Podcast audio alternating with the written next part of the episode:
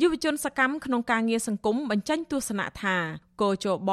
បច្ចុប្បន្នគួរតែផ្លាស់ប្តូរប្រព័ន្ធការងាររបស់ខ្លួនដើម្បីចែកឲ្យដាច់ជាស្ថាប័នឯករាជ្យមិនចំណោះឲ្យគណៈបកនយោបាយប្រធានគម្រោងនៃអង្គការសិលកាយុវជនពុទ្ធកលកាថ្លែងថាសមាជិករបស់កោជបត្រូវតែជាបុគ្គលឯករាជ្យមិនមែនជាសមាជិកនៃគណៈបកនយោបាយណាមួយដែលអាចជាឧបករណ៍របស់អ្នកនយោបាយសម្រាប់បង្វែរព័ត៌មាននៃការបោះឆ្នោតឡើយលោកថាចំណែកមេត្រាច្បាប់ទាំងឡាយណាពាក់ព័ន្ធទៅនឹងការបោះឆ្នោតវិញនោះក៏គួរតែធ្វើវិសោធនកម្មកែសម្រួលឡើងវិញនៅចំណុចដែលផ្ដល់សិទ្ធិអំណាចឲ្យនាយករដ្ឋមន្ត្រី និងចែងធានាដល់អំណាចនិងឯករាជ្យភាពរបស់កោជប ឲ្យអាចអនុវត្តឬបំពេញការងាររបស់ខ្លួនបានយ៉ាងត្រឹមត្រូវដោយពុំមានបុគ្គលណាមួយមករំលោភបំពានបានទេ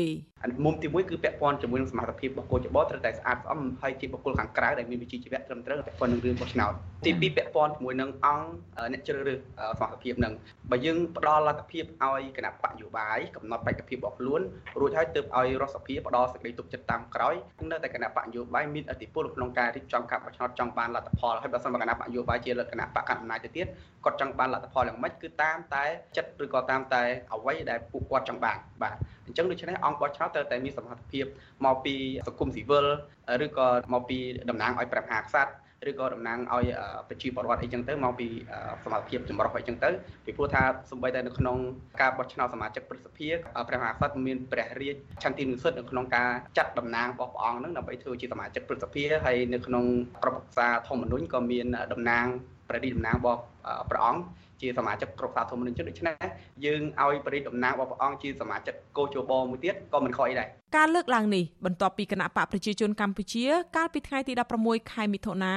បានសម្រេចជ្រើសរើសលោកប្រាច័ន្ទតំណាងរាស្ត្រមកពីគណៈបកប្រជាជនកម្ពុជា ជាបេក្ខជនប្រធានកោជបជំនួសឲ្យលោកសេចប៊ុនហុកដែលបានលាលែងពីតំណែងដោយសារបញ្ហាសុខភាព។ អ្នកនាំពាក្យរដ្ឋសភាបានបញ្ជាក់ប្រាប់ថាគណៈកម្មាធិការអចិន្ត្រៃយ៍នៃរដ្ឋសភាក្រុងនឹងបើកកិច្ចប្រជុំនៅពេលឆាប់ៗនេះដើម្បីកំណត់ពេលត្រៀមសម្រាប់កិច្ចប្រជុំពេញអង្គរដ្ឋសភាផ្ដល់សេចក្តីទុកចិត្តដល់លោកប្រាច័ន្ទអ្នកនាំពាក្យដដែលបានបញ្ជាក់ប្រាប់វិទ្យុអាស៊ីសេរីថាគណៈអចិន្ត្រៃយ៍យល់ថាបេក្ខជននេះគឺស្របតាមលក្ខន្តិកៈប្រធានកោជបធ្លាប់មានបទពិសោធន៍ការងារច្រើនជាង10ឆ្នាំ និងមានសមត្ថភាពគ្រប់គ្រាន់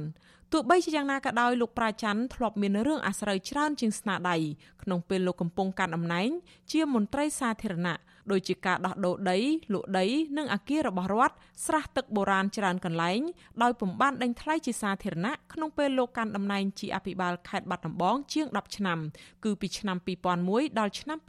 2014បន្ថែមពីនេះលោកប្រាច័ន្ទបានរៀបចំរចនាសម្ព័ន្ធដាក់បពពួក និងសាច់ញាតិនៅក្នុងទូនីតិសំខាន់របស់រដ្ឋបាលខេត្តបាត់ដំបងទៀតផងសាច់ញាតិរបស់លោកទៀតសោតក៏ជាអាជីវករមានភាគហ៊ុនច្រើនលើសលប់លើទ្រព្យសម្បត្តិរដ្ឋនិងឯកជននៅឯខេត្តបាត់ដំបងដំណើរការជ្រើសរើសប្រធានថ្មីរបស់កោជបនេះទំនងគ្មានអ្វីផ្លាស់ប្ដូរការងាររបស់កោជបទេគឺនៅតែជាស្ថាប័នដែលរងការរិះគន់ថា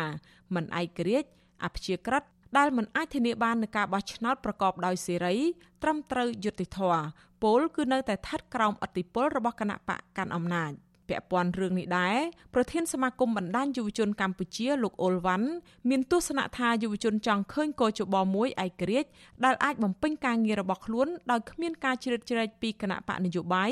ឬអ្នកមានអំណាចណាម្នាក់ ដូច្នេះកោជបនឹងអាចជាស្ថាប័នមួយអាចផ្ដល់យុត្តិធម៌ដល់គណៈបកនយោបាយដែលចូលរួមប្រកួតប្រជែងការបោះឆ្នោត និងម្ចាស់ឆ្នោតដើម្បីរួមគ្នាកសាងប្រទេសជាតិកោជបគឺមានទូនាទីសំខាន់គឺជាអាជ្ញាកណ្ដាលដែលកាត់សេចក្តីក៏ដូចជាផ្ដល់នៅលទ្ធផលមួយប្រកបដោយភាពច្បាស់លាស់ក៏ដូចជាភាពត្រឹមត្រូវធ្វើឲ្យភាគីទាំងអស់នៅក្នុងការប្រកួតប្រជែងនយោបាយជាពិសេសគណៈបកនយោបាយនឹងព្រមទទួលយកដោយការពេញចិត្តពេញថ្លើមពីការគ្រប់គ្រងសម្លេងពីប្រជាពលរដ្ឋឬក៏អ្នកគ្រប់គ្រងរបស់ខ្លួនហើយក៏ដូចជាមតិជាតិនិងអន្តរជាតិហ្នឹងគឺទទួលស្គាល់ទៅលើលទ្ធផលនៃការបោះឆ្នោតហ្នឹងថាពិតជាត្រឹមត្រូវនិងយុត្តិធម៌ពិតប្រាកដមែនហើយមួយវិញទៀតអ្វីដែលយើងចង់ឃើញកោជបដើរតួនាទីសំខាន់ហ្នឹងគឺយើងចង់ឲ្យ